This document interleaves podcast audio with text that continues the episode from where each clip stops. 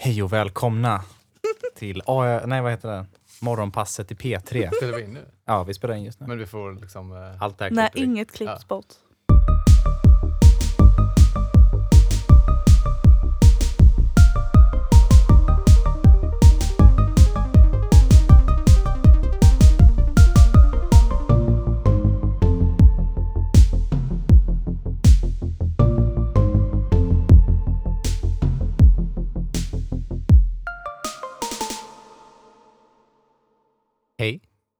Och hjärtligt välkomna till det andra avsnittet av eh, Den marxistiska björntjänsten. Hej hej. Hallå, hallå. Jag heter Hugo Solding. Jag heter Anja Horner. Och jag heter Oskar Nyman. Vad kul att ni är här idag med. Ja. Så du slipper göra den själv. Ja, det har Mm. varit väldigt tråkigt men hade antagligen blivit så. Om det finns inget annat val. För er som har missat så är det här en podd där vi läser kapitalet högt i podden och diskuterar ehm, och pratar om lite olika grejer kring det. Och eh, Vi kommer göra det eh, senare men först tänkte vi prata om något lite roligare. Det finns något. Ja, det är inte min upplevelse av det här som kommer nu. Oskar tycker att det är, han tycker det är roligare med bytesvärde. Nej, jag tror att vi kommer prata om någonting nu som får oss alla att få lite så här ångest, eh, Ja, precis. hjärtklappning typ. Och det får inte det av att läsa kapitalet. Nej. Nej, ett avsnitt in. Så jag älskar kapitalet. Jag har längtat efter den här dagen. Ja. Det har jag faktiskt. Ja, men- riktigt. Det, det är en bra bok. Den Mm. står som bok också. Mm. Så eh, läs, läs medan ni lyssnar. Men Ja. ni, ni får ju all texten också i, i podden. Finns även att hitta på nätet om man inte har en, eh, Ja. en egen bok. Det gör Mm. det, absolut. Tips. Ehm, ja, men nej, vi tänkte prata om en lite mer... Min ingång mycket till eh, kapitalet eh, när jag läste den själv första gången var en relativt eh, personlig ingång för att jag började också jobba eh, själv, jobba heltid, flytta hemifrån samtidigt som jag läste kapitalet första gången. Och det kanske inte riktigt än där vi har kommit till boken, men längre fram så handlar den väldigt mycket om väldigt, väldigt vardagliga saker. Eller det börjar också med väldigt vardagliga saker, med en vara. Liksom. Det är ändå någonting som, eh, jag tänker också att han börjar med det av en anledning, liksom, för det är någonting som alla möter. Men sen även när det handlar om arbete och arbetstid och hur kapitalet funkar faktiskt i våra liv. Att det är en, en väldigt, liksom, eh, en väldigt personlig bok, skulle Mm. jag säga. Mm. Mm. Och eh, ja. tänkte prata lite om det. Ja. Ja. Ja, eh, jag har gjort en liten lista här som heter jobbiga grejer med att jobba. Som jag har hört var den arbetstiteln till kapitalet. Men som han strök i sista stund. Mm. Det Eh, är det Engels gjorde. ja, det, Utan att jag var, vet någonting om deras... det var väl det som var hans, hans roll i det hela lite tror jag. Mm. Typ så här, eh, ta hand om honom, köpa sprit till honom och ändra hans titlar.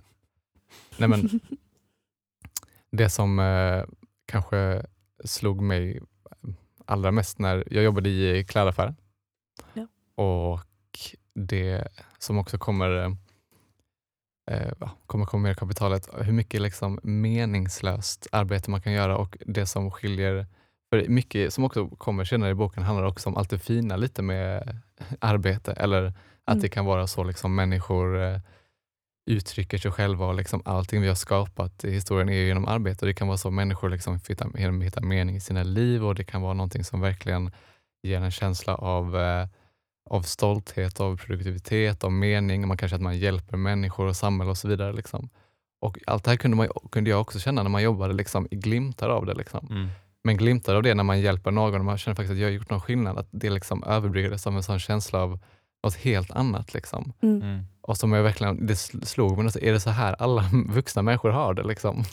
och att det är så här, att det som hade kunnat vara liksom det som är så himla fint, det blir bara helt tomt. Liksom, för att det var uppenbart att man gör det, som när jag jobbade, att det var så mycket, även om man inte hade någonting att göra så behövde man låtsas som man gjorde någonting. Och då Mm. blir det väldigt tydligt att det handlar faktiskt inte om att jag ska hjälpa någon, utan det handlar om att jag har timmar här som jag ska klocka av, jag ska göra en chef nöjd, någon ska tjäna pengar på detta, jag ska se produktiv ut. Till skillnad från ett arbete där jag faktiskt hjälper någon. Liksom. Ja, Mm. ja det, det är väl extremt mycket så i kläd, klädaffärerna. Även Mm. lite på restaurang där eh, vi båda jobbade. Mm. När eh, man hade något så här städschema med uppgifter. Och så när man hade gjort klart det för dagen så då kanske jag ställde mig och väntade Mm. när jag precis hade börjat jobba där. Och då var det någon som kom fram till mig och var arg och sa vad håller du på med? Liksom, varför står du bara här? Och jag var så, finns inga kunder här inne just nu. Finns ingenting att göra. Och då var det bara så, men då får du ju du får låtsas städa någonting. Liksom. Mm. Ta en trasa och torka lite på väggen typ. Så då gick man där och torkade av grejer som redan var rena och låtsades. Och även ofta när man jobbar som eh, liksom, servitör att man bara ska gå runt och se lite viktig ut. Liksom. Mm. Att man har egentligen ingenting att göra men man går runt i restaurangen och ser ut som att man så är på väg någonstans Mm. och sen så vänder man och går åt andra hållet. man får aldrig se ut som Ah, att man inte är upptagen. Gud. Ja, verkligen. Hur många gånger har man inte gjort det, tänker jag. Alltså den här, fan jag har ingenting att göra nu.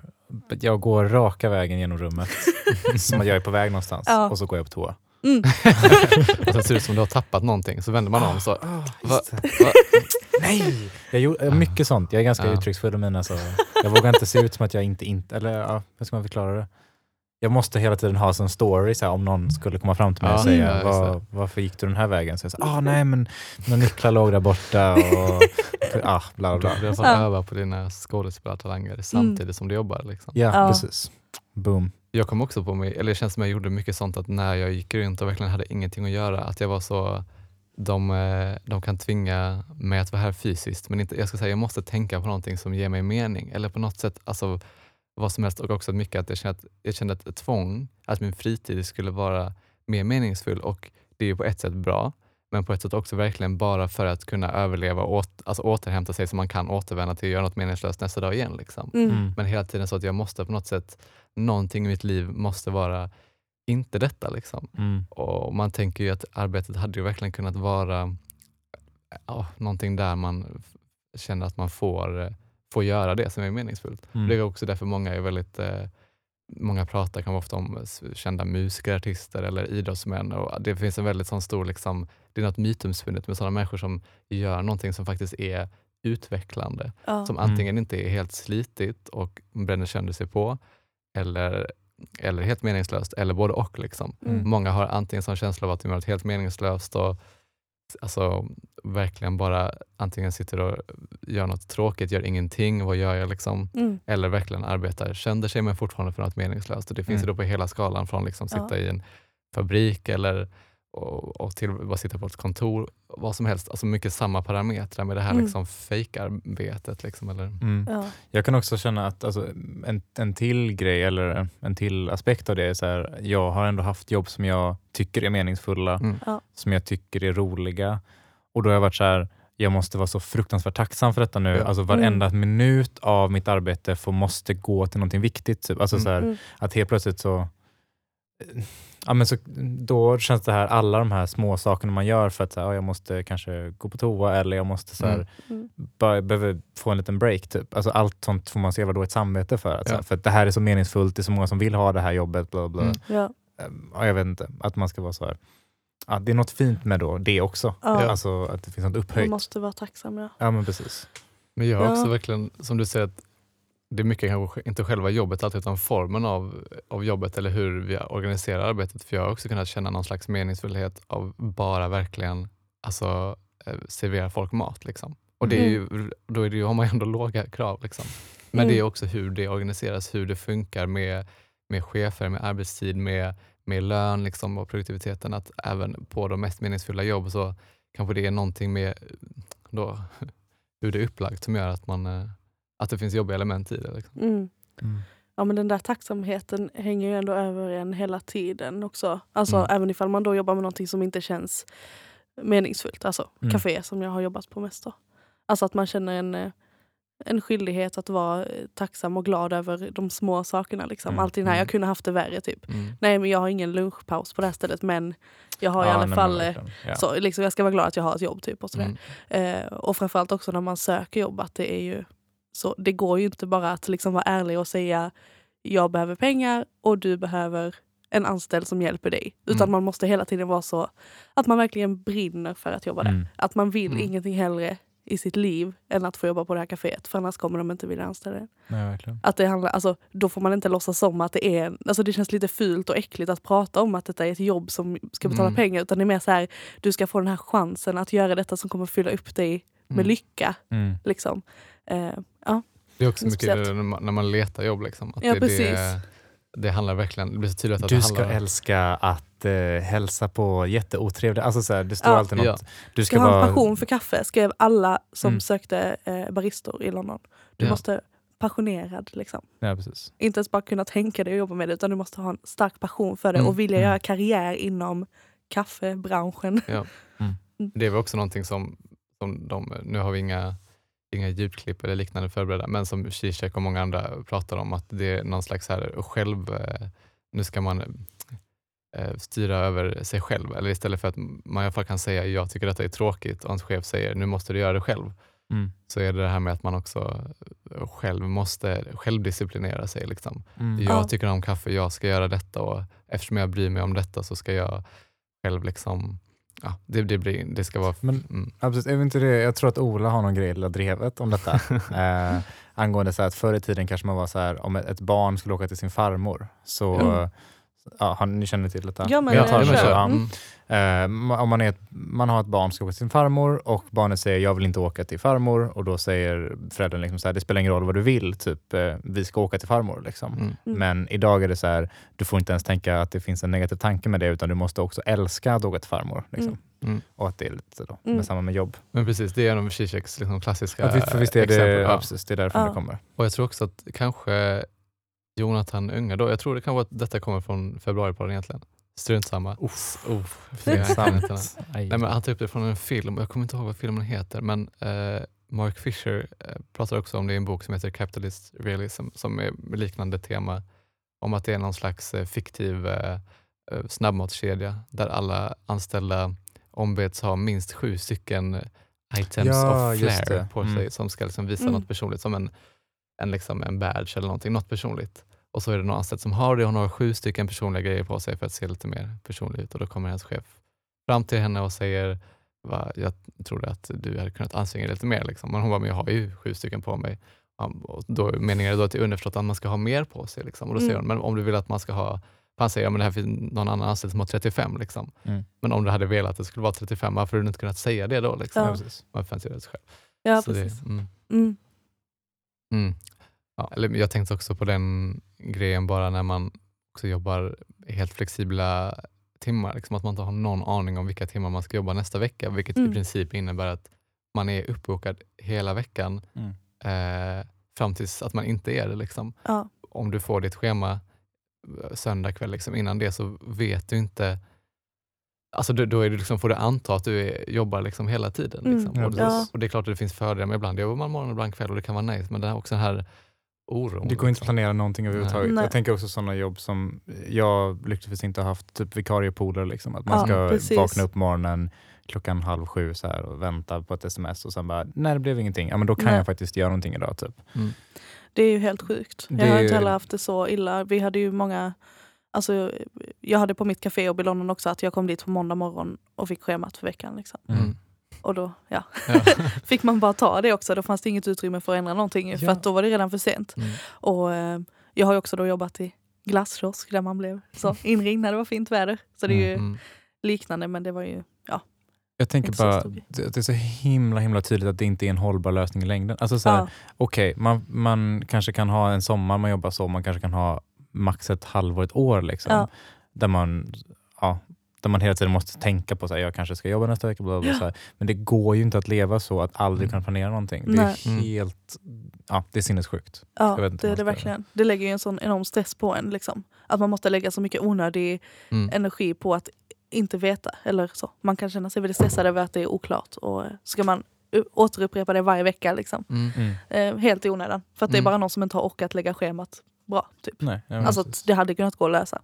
Eller att prioriteringen inte är liksom eh, om det skulle vara så att ni vill ha samma schema varje vecka och Mm. ni vill ha det på ett speciellt sätt som anpassas efter det. Det är ju inte flexibelt anpassat efter er utan flexibelt Mm. anpassat efter den som... Ja, exakt. Ja. Och det är väl, om man ska sluta på en mer, eh, en mer eh, positiv ton, så är det väl att när jag jobbade från första början så tror jag också att jag kände mycket det som beskrevs i kapitalet som de positiva delarna av liksom, mänskligt arbete. Eh, hur det liksom, att det är det också väldigt specifikt som gör oss till eh, människor liksom, och som eh, kan vara det hur vi uttrycker oss liksom, kreativt och att det, liksom, ja, och att det kan ge en känsla av eh, Alltså, man, för helt meningslösa grejer kunde man ändå känna någon slags eh, Mm. Ja. arbetsstolthet. Även om Ja. jag, Jag tänker väldigt mycket, jag, jag fick det som ett, jag spelar ganska mycket tv-spel. Mm. Eh, jag fick det liksom den känslan första sommaren jag jobbade, jag jobbade inom vården i tre somrar i rad. Eh, på ett boende.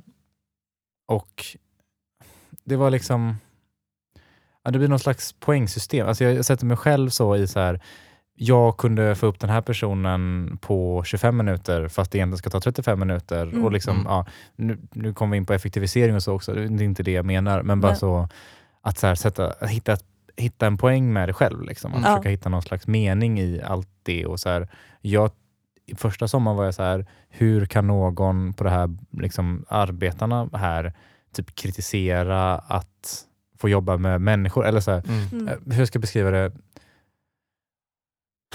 Alltså, jag kände mig väldigt så, okej, men det här är vård, det här är viktigt, det här är någon som faktiskt liksom behöver min hjälp. Jag, Mm. jag försökte liksom hitta någon sån ingång till att så här, jag kan inte behandla de här hur som helst, jag Mm. kan inte bete mig hur som helst, utan så här, jag måste verkligen vara en, ja, den här funktionen. Liksom. Mm. Mm. Varpå man då träffar på arbetskamrater som har jobbat i flera år och som inte alls beter sig så. Liksom. Mm. Så där fick jag sån, först, första här sommaren fick jag så, hur kan det här vara så här? Vi måste ju såklart bara bete oss hur bra som eller vi måste Mm. bara så älska detta. För Mm. att, eh, ja, nej vi måste inte älska det, vi måste tycka att det här är meningsfullt. Liksom. Mm. Ja. Och det gick väldigt snabbt över till liksom, typ hat inför hela situationen. Liksom. Mm. För Mm. att så här, jag hatar mig själv för att jag inte tycker om detta bättre än vad jag gör. Om du Ja, förstår vad jag menar. precis. Och sen så går man bara in i, jag gick i alla fall in i så väldigt, ja det var väldigt jobbigt att jobba där. Mm. Mm. Mm. Men var det också för att det blev för stressigt? Liksom? Eller? Ja, alltså, jag jobbade ju typ första hösten när jag började jobba där. Liksom, Mm. Då jobbade jag såna 12 timmars pass två dagar Mm. i rad typ på helger. Ja. Liksom. Eh, och det var liksom, jag fick sms i stort sett varje dag. Mm. Även på hösten liksom, när Mm. ordinarie personal borde varit inne. Ja. Så, här, "Nej, men vi har inte tillräckligt mycket ordinarie personal. För att folk Mm. slutar för att det är för dåliga tider. Ja. Mm. och så vidare. Och då får man sms varenda dag som är så här, snälla kan du komma in? Och man säger nej, jag går i skolan, typ. det Ja. finns inte en chans. Och då vet man också att så här, ja, då blir det de här, då blir det en, en person kort gör att alla lider en hel dag. Liksom. Ja, Mm. ja, men det är också det är otroligt hemskt också i vården för då är det ju ja, då är det ju ett lidande på ett annat sätt också. Mm. Mm. Men den grejen kan man också känna oavsett arbetsplats, liksom att man alltid man själv får ta skulden för att ens arbetsgivare eller så inte har ordnat det på ett rimligt sätt. Mm. När det finns för lite personal och man själv är extra. Liksom, och de ringer eller smsar och frågar eh, kan du snälla hoppa in, liksom, vi behöver verkligen dig. Och man inte kan. Då är det man själv som får ta Mm. skulden fast att det egentligen inte ligger på en själv att det finns för lite personal. Nej, Och det, är ju, alltså det går ju inte heller att värja sig från det tycker jag. Alltså det, man bara Mm. tar det och så jobbar man fast man inte kan eller orkar eller ja, vad det nu är. För att inte en, ens kollega ska behöva typ Mm. jobba 12 timmar istället. Ja, liksom. precis. Det är, Det är för ju att man också vet hur det känns själv. Eller jag tänker också för din del om man jobbar Ja. ensam Ja, någonstans och det precis. ska komma någon som inte kommer kanske. Ja Och precis. så blir man där ensam på samma ställe i 9-10 timmar. Liksom, Ja och precis, jag hade det. ett sånt hemskt, eh, jag hade en, en kollega som slutade väldigt plötsligt för hon var väl trött på det. Vi skulle jobba tillsammans över lunchen en dag eh, och då så bara gick hon hem och så sa hon typ du kan hälsa chefen att jag går nu typ. För hon tyckte att det var så himla jobbigt att jobba där. Mm. Och då så, sen efter det så hade de ju en person för lite och jag blev ensam på ett, eh, ett café, liksom ensam ansvarig efter att jag hade jobbat där i typ två veckor inom företaget. Eh, så sen jobbade jag ensam på det här kaféet. Liksom. Och då hade jag verkligen öppning till stängning nästan varje dag. Mm. Alltså halv åtta till eh, halv sex. Och sen stod det ju alltid över lite också. Ehm, och sen så ibland då, eller till slut blev det ju så att oftast kom någon som jobbade med mig över lunchen då. Liksom. Mm.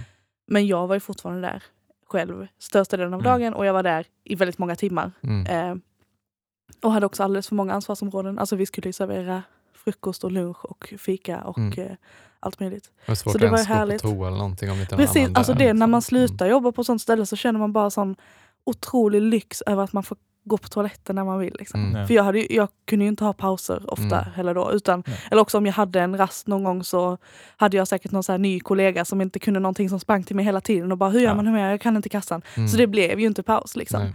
Och det var ju helt sjukt. Alltså det, när jag gick till en frisör någon månad senare så sa hon att mitt hår hade slutat växa på vissa ställen.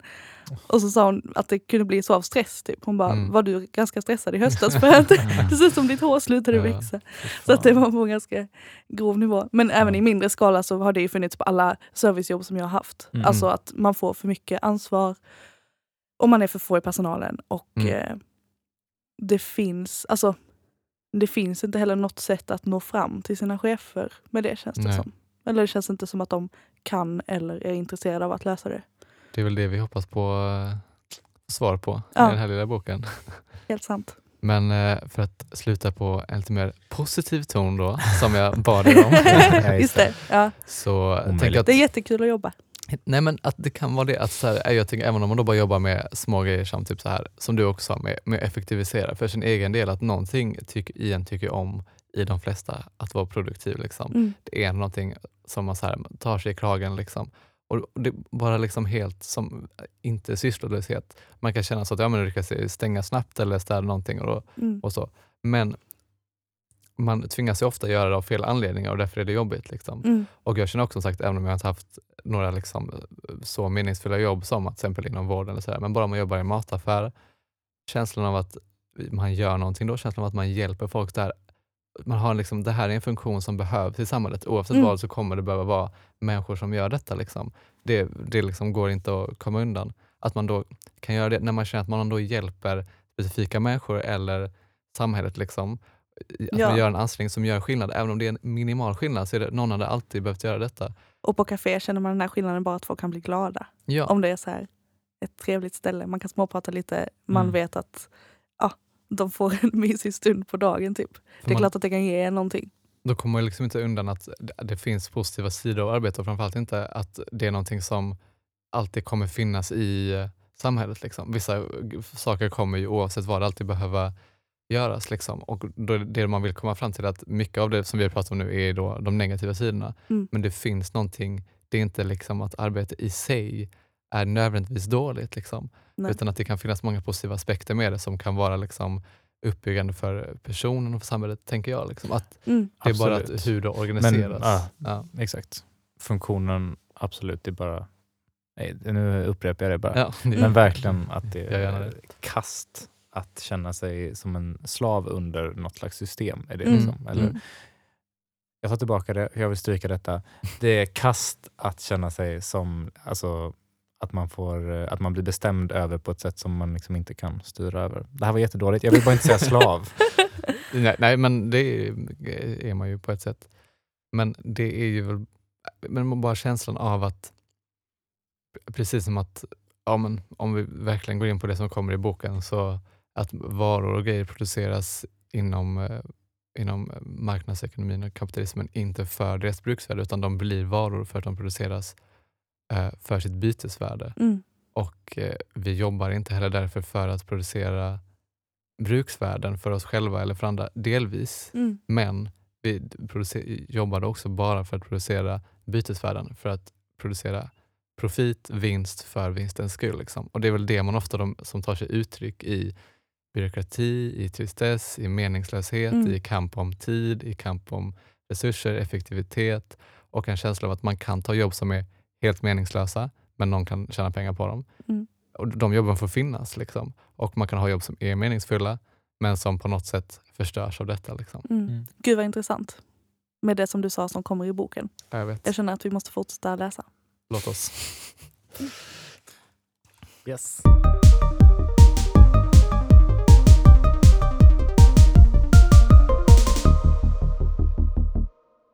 Okej. För att då sammanfatta lite från förra avsnittet. Om ni antingen inte lyssnade eller lyssnade men är väldigt glömska och inte har gjort er hemläxa. Så ja, det vi lärde oss i förra avsnittet var att rikedomen i kapitalistiska samhällen visar sig som en enorm varuanhopning och därför börjar vi, eller Marx, med en analys av varan. Eh, jag läser inte ordagrant nu utan det är lite anteckningar bara från minnet. Men det som utverkar varor är att det är saker som är nyttiga för människor.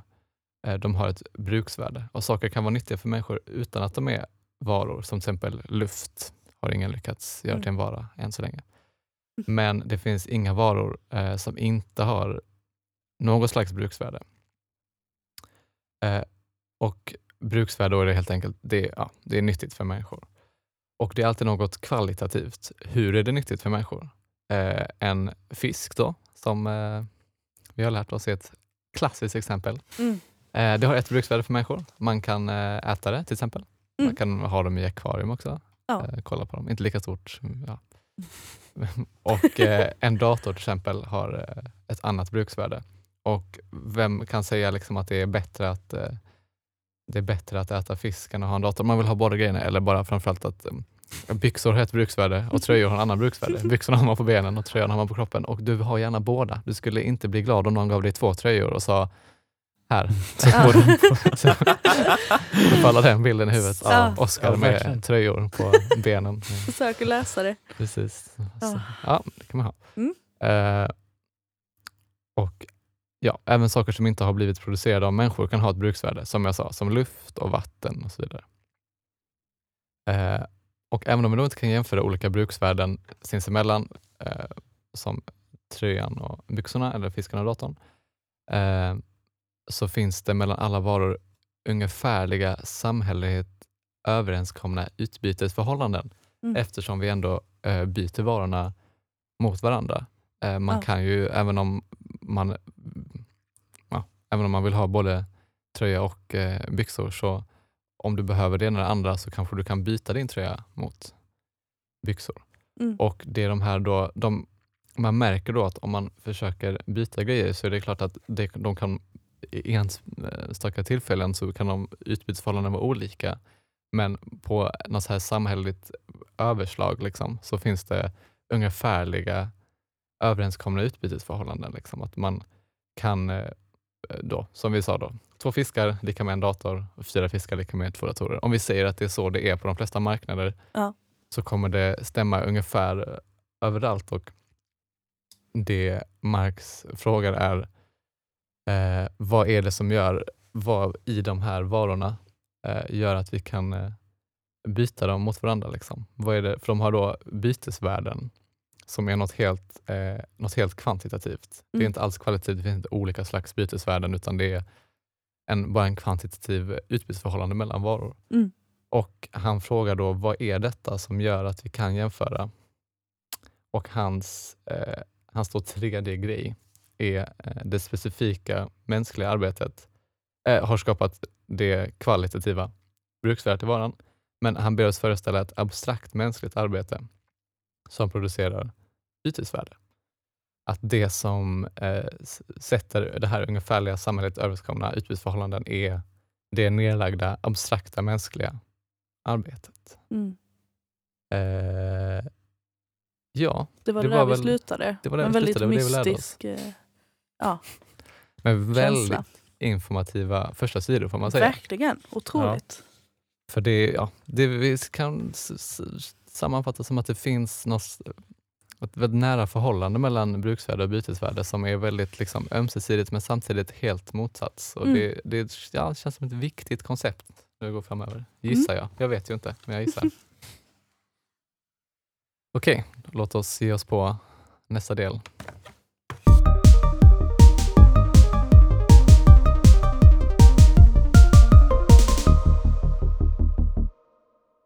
Kapitalet, sida 34 i vår översättning. Inte för att någon bryr sig. I själva utbytesförhållandet mellan varorna syntes oss deras bytesvärde vara alldeles oavhängigt av deras bruksvärden. Bortser man nu verkligen från arbetsprodukternas bruksvärde så erhåller man deras värde så som det just nu bestämdes. Det gemensamma som framträder i utbytesförhållandet eller i varans bytesvärde är alltså dess värde. Undersökningen fortgår, undersökningens fortgång skall föra oss tillbaka till bytesvärdet såsom värdets nödvändiga uttryckssätt eller manifestationsform. Men först och främst är dock värdet att betrakta oberoende av denna form. Okej. Eh, vad försöker han då säga oss i detta stycke? Det är ju återigen lite upprepning och lite kryptiskt, eller vad man ska säga, Mm. rätt så pedantiskt. Får jag bara fråga, Mm. när det står bytesvärdet eh, syntes vara alldeles oavhängigt av deras bruksvärdet. Alltså Mm. det betyder att de inte har med varandra att göra? Eller? Tvärtom, att det är helt... De är helt eh, sammankopplade? Precis, att Okej, utan eh, bruksvärde inget, eh, inget bytesvärde. tur att jag frågade.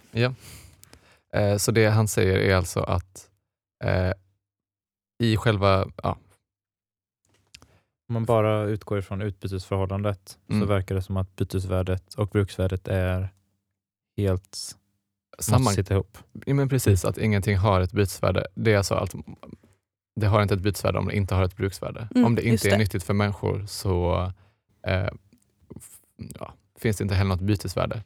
Om du har en eh, tröja med eh, hål i, kommer ingen vilja byta den med dig. Nej. Det kommer de, för det är säkert hippt. Ja, kläbbigt idag. Ja.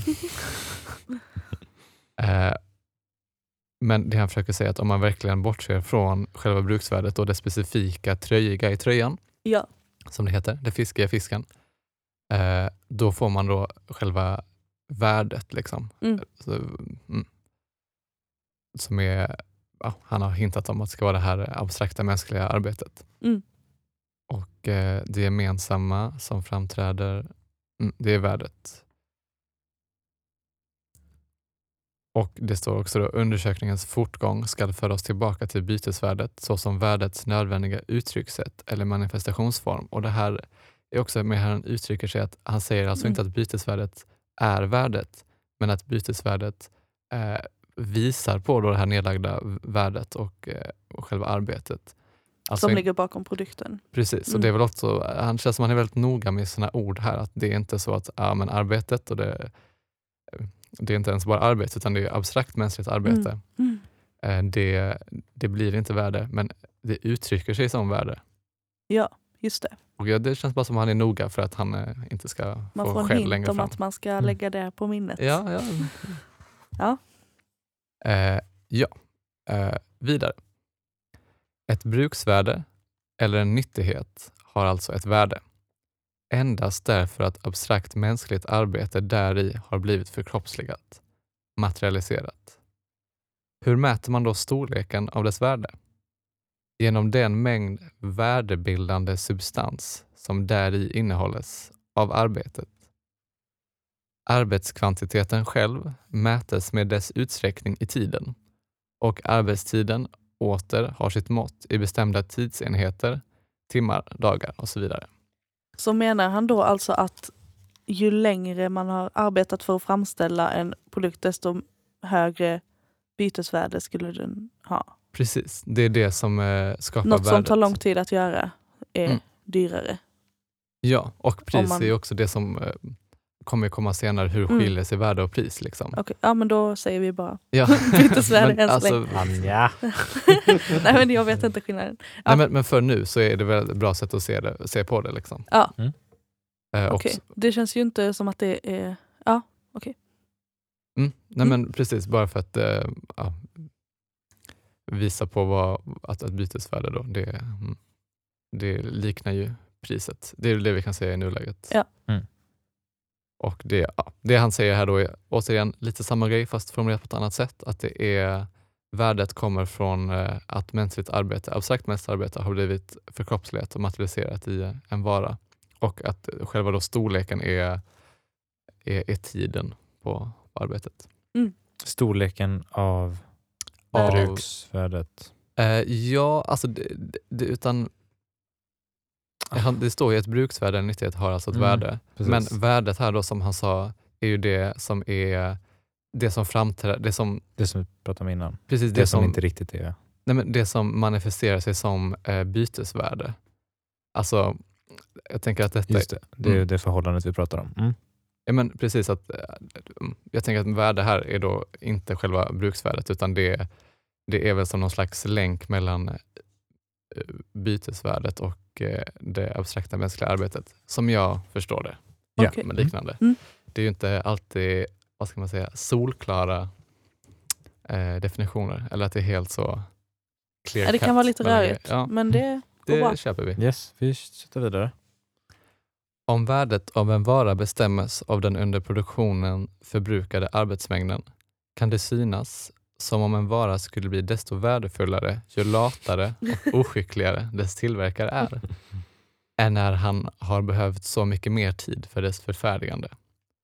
Men det arbete som bildar värdenas substans är samma mänskliga arbete, förbrukandet av en och samma mänskliga arbetskraft samhällets sammanlagda arbetskraft som yttrar sig i varumarknadens värden gäller här som en och samma mänskliga arbetskraft. Ehuru den består av otaliga individuella arbetskrafter.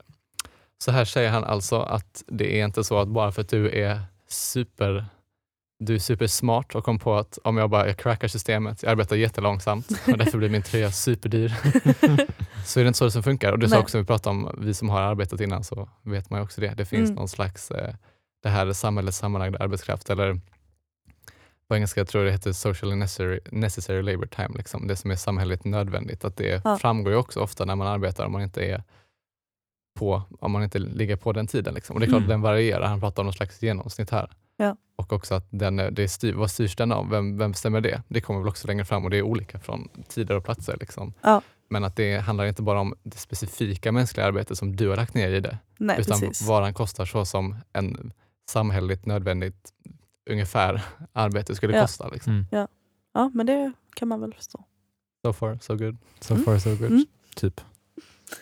Eh, var och en av dessa individuella arbetskrafter är samma mänskliga arbetskraft som varje annan, såvitt den äger karaktären av en samhällelig genomsnittsarbetskraft och alltså vid produktionen av en vara endast behöver använda den i genomsnitt nödvändiga eller samhälleligt nödvändiga arbetstiden. Mm.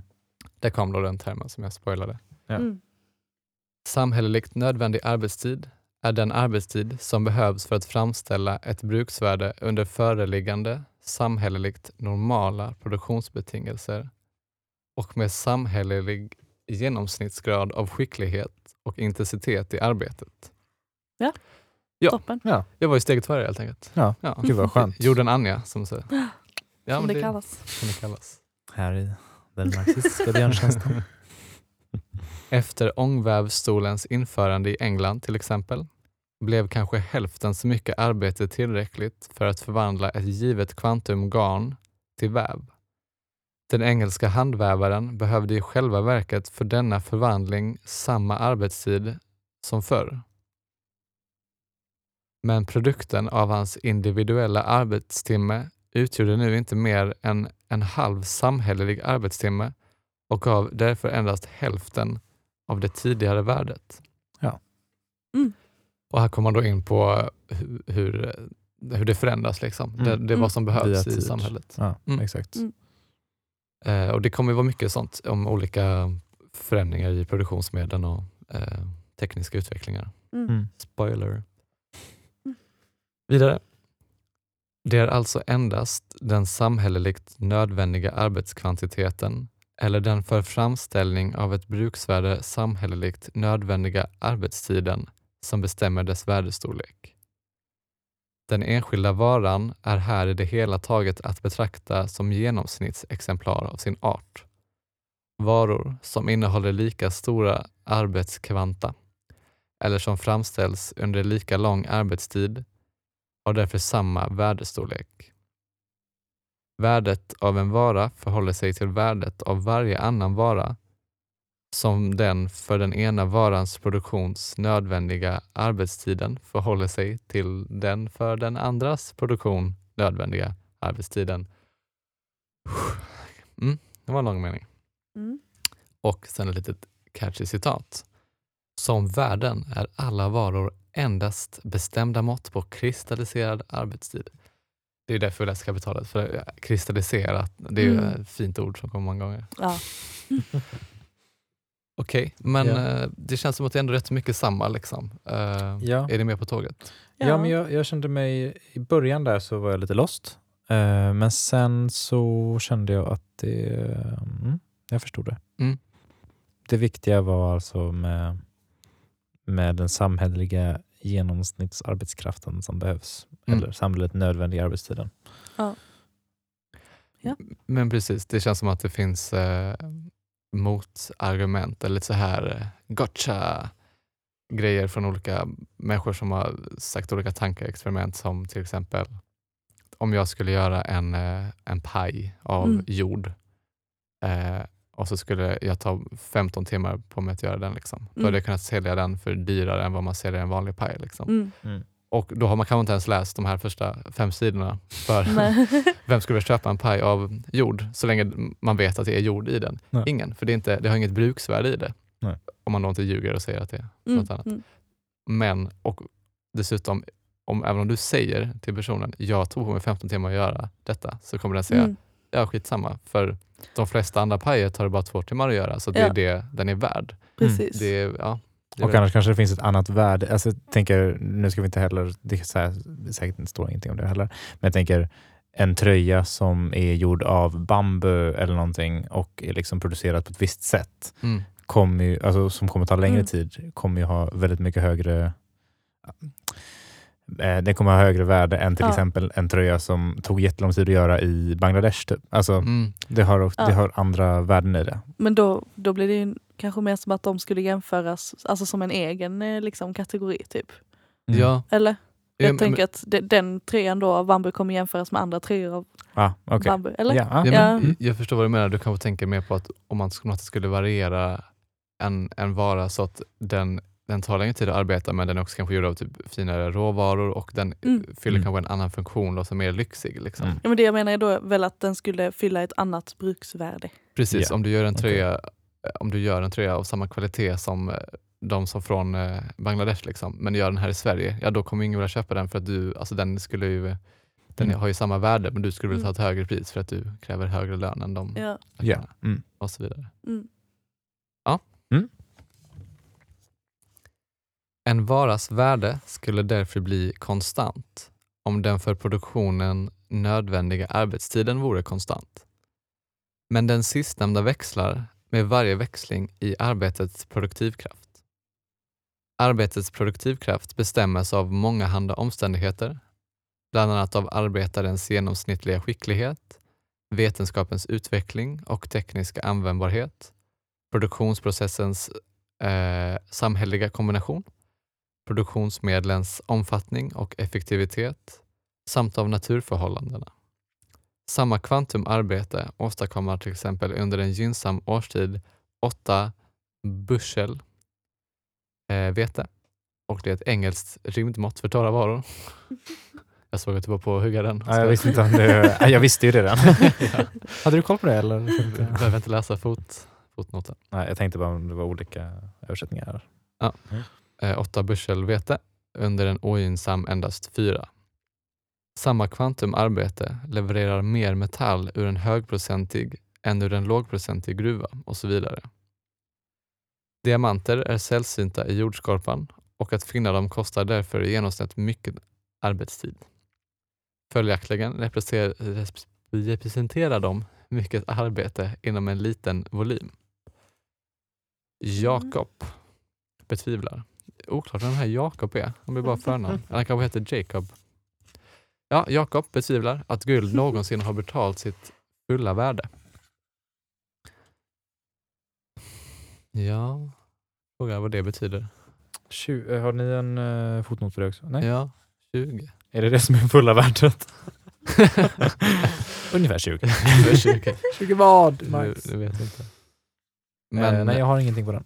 Men eh, det här kom, vi pratade om det i förra avsnittet om eh, vad, diamant och guld. Gjorde vi det? Ja, det var väl jag som sa det. Mm. Att eh, Vi pratade om bruksvärde Mm. och eh, att saker hade ett värde för att de var nyttiga för oss. Och då så sa jag eh, guld och diamanter. Mm. Vi kan inte använda dem på något sätt eh, förutom att visa att vi är rika. Liksom. Mm. Vi kan inte Mm. använda dem förutom att så här, Mm. få status. typ. Och idag kan vi visa att vi är rika. Pengar idag har ju ingen täckning. Liksom. Eller det är papperslappar eller bara siffror på en dator. Men Ja. också framförallt förr i tiden så var det ju också verkligen då mycket arbetstid som låg bakom det. Man kan Mm. gå och ta bara liksom timmar av andra människors arbete och bära dem på sig, som till exempel guld, helt medvetslöst för att visa då att det är någon slags symbol för att kunna byta det med andra. Mm. Men vi kommer till pengar längre fram. Yes. Eh, ännu mer gäller detta om diamanter. Enligt Eschwege, också oklart om det, här, om det är förnamn och efternamn på folk och vilka de är. Mm. Jag känner att jag har inte Vi kanske får göra en liten, göra en liten anteckning om det, så kan Ja. vi lära oss det till Mm. gång. Det är många, väldigt många blandade referenser i den här boken. Väldigt många litterära och Mm. väldigt många roliga, men Mm. också många extremt oklara som jag Ja. inte har brytt mig att kolla upp. Spännande. Vidare. Enligt Eschwege hade den totala 80-åriga utbytet av de brasilianska diamantgruvorna ännu år 1823 inte uppnått samma pris som den ett och ett halvt åriga genomsnittsprodukten av de brasilianska socker eller kaffeplantagerna, ehuru det, det representerade mycket mer arbete, alltså mer värde. Okej. Ehm. Ja, okej. Det han pratar om här är ju då också lite skillnad på pris och värde redan. Och han säger att, eh, att diamanterna egentligen borde kostat ännu mer i princip för att ja, de har inte uppnått samma pris som vad det kostade att göra vad, vad socker och kaffe kostade. Men Nej. det tog mycket mer arbete att producera det. Mm. Precis. Mm. Om gruvorna vore mer givande skulle samma arbetskvantum resulte- resultera i fler diamanter och deras värde skulle sjunka. Ja. Och Det är det där att det är exklusivt liksom. Mm. Som, eh, och det krävs mycket arbete för att hitta dem. Ja. men precis, Mm. så här vänder han också lite på, eller om man, det känns som att mångas första väg in till eh, pris och värde och sånt i, i ekonomi i grundskolan, det är kanske det här med supply and demand. Jag vet inte, Mm. Tillgång och efterfrågan. Ja. Och här så vänder han ju lite på det och, och eh, för hans, han, han, det, kom, det finns ju såklart med i hans teori om värde med eh, tillgång och efterfrågan, men han Mm. vänder ju lite på det och säger att det är fortfarande arbetstiden som utgör värdet, men om det vore att det fanns att det vore lättare, det fanns större tillgång, då skulle arbetstiden sjunka och därför skulle värdet sjunka. Mm. Ja. Fattar. Om det lyckas med att ringa ar- Om du lyckas att med. Ja. Mm. Tack Oskar. Om det lyckas att med ringa arbete förvandla kol till diamant så kan diamantens värde bli lägre än tegelstenens. Mm. I allmänhet, ju större arbetets produktivkraft är, desto mindre den för en artikels tillverkning behövliga arbetstiden. Desto större dess värde. Okej. Var det Vänta. bara en upprepning nu eller? Alltså, jag hängde inte med på den här. Ju större- större arbetets produktivkraft är, desto mindre den för en artikels tillverkning behövliga arbetstiden, desto större dess värde. Men vad betyder alltså produktiv kraft? Det vad- tänker jag, effektivitet. Men här känns det konstigt. Här känns Okej. det som att han säger desto mindre arbetstid, desto större värde. Och det känns Ja ju det var det jag tvärtom. också Ja, inte förstod. Är det typo? Um, ja, väldigt oklart. Desto mindre den för en artikels tillverkning behövliga arbetstiden, desto större dess värde. Eh, Man skulle ju vilja tro att det är, att det är fel. Liksom. Ja, det är min spaning. Det, det är här den marxistiska björnrösten dör. vi kan inte komma förbi den här meningen. Nej, det är antingen det är fel så vi är Mm. dumma i huvudet. Ja, men vi kanske, får, vi kanske får markera den och så Ja. får vi försöka återkomma till detta i nästa avsnitt. Ja, för att jag kanske. förstod inte heller. Nej, Det känns som att tvärtom. Du ritar din helt nya fina bok nu. min är Det har faktiskt jag också redan understruken den här meningen just. Mm, Och då känner med. man att den har någon vikt. Ja, våra förfäder har strukit under detta. Eh, och- Pappa. Ja, vad betyder det? ja. Jag tänker att mina framtida barn kommer också att tänka så wow, han har, han har faktiskt läst den här boken. Ja. Man bara strukit under lite Lite på måfå. Det är det man gör. Ja, om min pappa Ja. lyssnar kan han ju skriva och förklara Mm. skillnaden. Maila oss gärna. Maila oss gärna. Ehm, men vi går vidare. Ehm, en varas värdestorlek växlar alltså direkt med kvantiteten och omvänt mot produktivitet. produktivitet produktiviteten av det arbete som tar gestalt i varan. Här får vi ju rätt grej. Ja. Kvantitet, eh, alltså om det är mer produktivt så krävs det mindre kvantitet. Och Ja. mer produktivitet ger mer värde. Eller hur? Jag, jag fattar faktiskt ingenting. Sorry.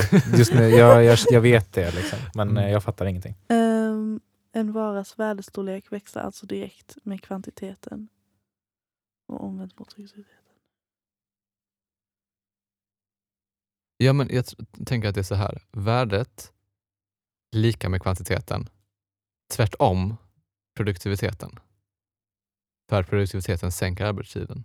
Okej, Det finns också Ja. en fotnot här som står så här. Efter eh, som tar gestalt i varan står det. I första upplagan följer här. Vi känner nu värdets substans. Det är arbetet. Vi känner dess storleksmått. Det är arbetstiden. Dess form som karaktäriserar värdet just som bytesvärde återstår att analysera. Dessförinnan måste dock de redan funna bestämningarna något närmare klargöras. ja men det var ju väldigt bra att ha med det. Varför strök han det? Ja, det Ja. var dumt. Ehm, Ja. Jag tänkte det var det är mervärde. ja, och Ja. det är det här med att vi känner nu alltså värdets storleksmått. Det är arbetstiden. Ja. Det är ju väldigt Mm. viktigt, Mm. känns det som. ja, Mm. Vi, ja. det... Mm. Okej. Ett ting kan vara bruksvärde utan att vara värde. Detta är fallet om dess nytta för människan inte förmedlas av arbete. Som till exempel luft, orörd mark, naturlig äng, vildväxande skog och så vidare. Ett ting kan vara nyttigt och en produkt av mänskligt arbete utan att därigenom bli en vara. Den som med sin produkt tillfredsställer sitt eget behov skapar visserligen bruksvärde, men ingen vara. För att producera varor är det inte nog att producera bruksvärde, man måste producera bruksvärde för andra, samhälleligt bruksvärde. Och inte bara rätt och slätt för andra. Medeltidsbonden producerade skattespannmål för feodalherren, tionde spannmål för prästen. Men varken skattespannmål eller tionde spannmål blev varor fastän de var producerade för andra. Mm. För att bli vara måste produkten genom utbytet överföras till den som ska nyttja den som bruksföremål. Sist och slutligen kan ingenting ha värde utan att vara bruksföremål. Är det utan nytta så är det också arbetet eh, däruti förbrukat utan nytta räknas inte som arbete och bildar därför inget värde. Du hostar jättemycket, jag vill inte göra det du Jag- pratar. Jag vill gråta, Jag jag börjar blir så rörd. De här fina orden. Okej, men här har vi massa viktiga poänger som vi också lite redan oj, pratat om. Eh, som till exempel, Det som du nämnde innan med luft till exempel. Ja, Mm. Att det kan vara, ha ett eh, nödvändigt, ha bruksvärde utan att vara värde. och det kan också eh, vara en produkt av mänskligt arbete utan att bli en vara. Och jag sa ju den här grejen då med jordpajen, men också om du odlar tomater eh, i en trädgård och äter dem själva så blir de inte heller varor. Nej. Utan Nej, för då måste ting. man byta dem med någon annan. Eller för att det ska bli en vara så måste de bytas. Precis, Mm. och till och med och det som är då unikt med det kapitalistiska produktionssättet är att vi producerar, i, i regel producerar vi eh, ting, saker, eh, Mm. för att de ska bytas. Ja. Vi producerar inte för att eh, vi själva ska överleva och sen också att det går att någon annan liksom tar det rakt av oss som då det här tionde Mm. grejen, Mm. utan vi, vi tar aldrig i, i, alltså frukten av vårt eget arbete Mm. i Mm. princip, utan allting vi gör, det enda vi har är att vi säljer vår arbetskraft och producerar varor som ska till marknaden och Mm. sen så kommer vi själva till marknaden och köper andras Ja, just det. varor. Mm. Ja. Okej, och sen också då att han säger att för att producera varor är det inte nog att producera bruksvärde, för det måste man, men man måste också producera bruksvärde för andra. Eh, samhälleligt bruksvärde. Mm. Och det är då att det inte är varor när eh, bonden producera det, eh, utan det är det här till marknaden. Mm. Och sist och slutligen kan ingenting ha värde utan att vara bruksföremål. Ja. Mm. Som han sa, utan nytta. Det, den här jordpajen, den kan slänga sig i väggen. Ja, så är det faktiskt.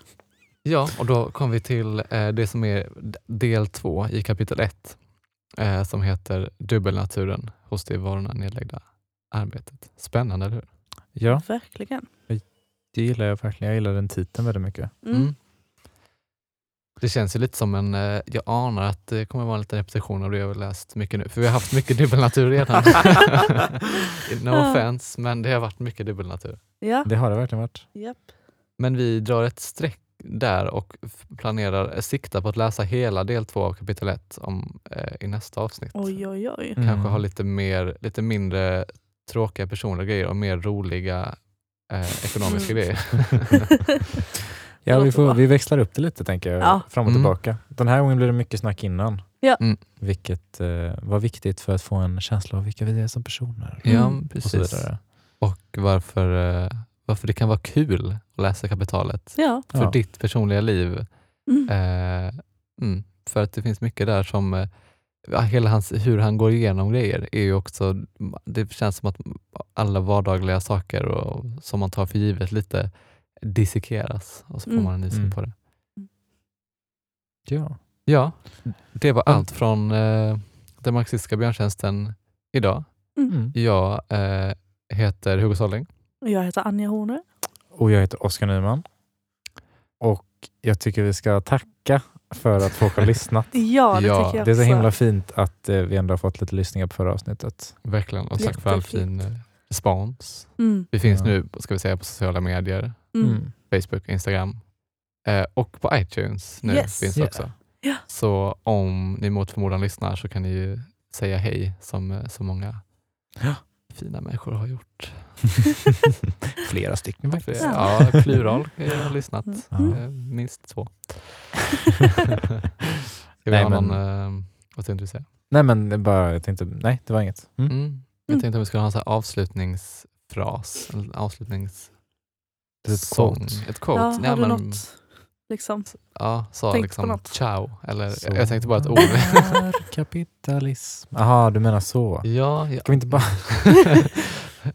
avsluta varje avsnitt med en låt? ja som absolut. är, nej, det kanske är... Det har vi tagit. Men, eh, mm, så. men du kan få sjunga om du vill.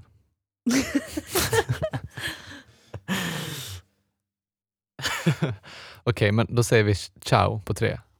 Ja, nu kör vi. Ett, två, tre. Ciao! Nej. Det var... Du får hitta på någon annan. ja. Yes. Yes.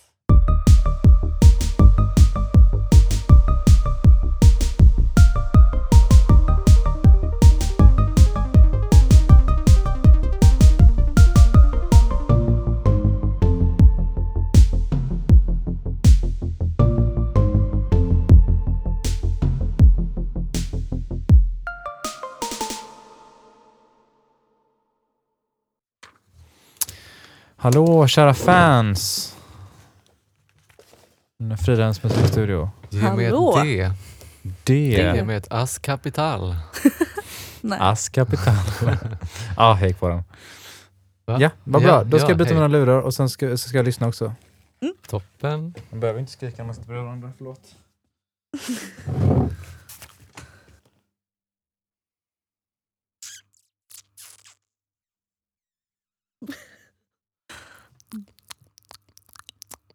Där har vi introt.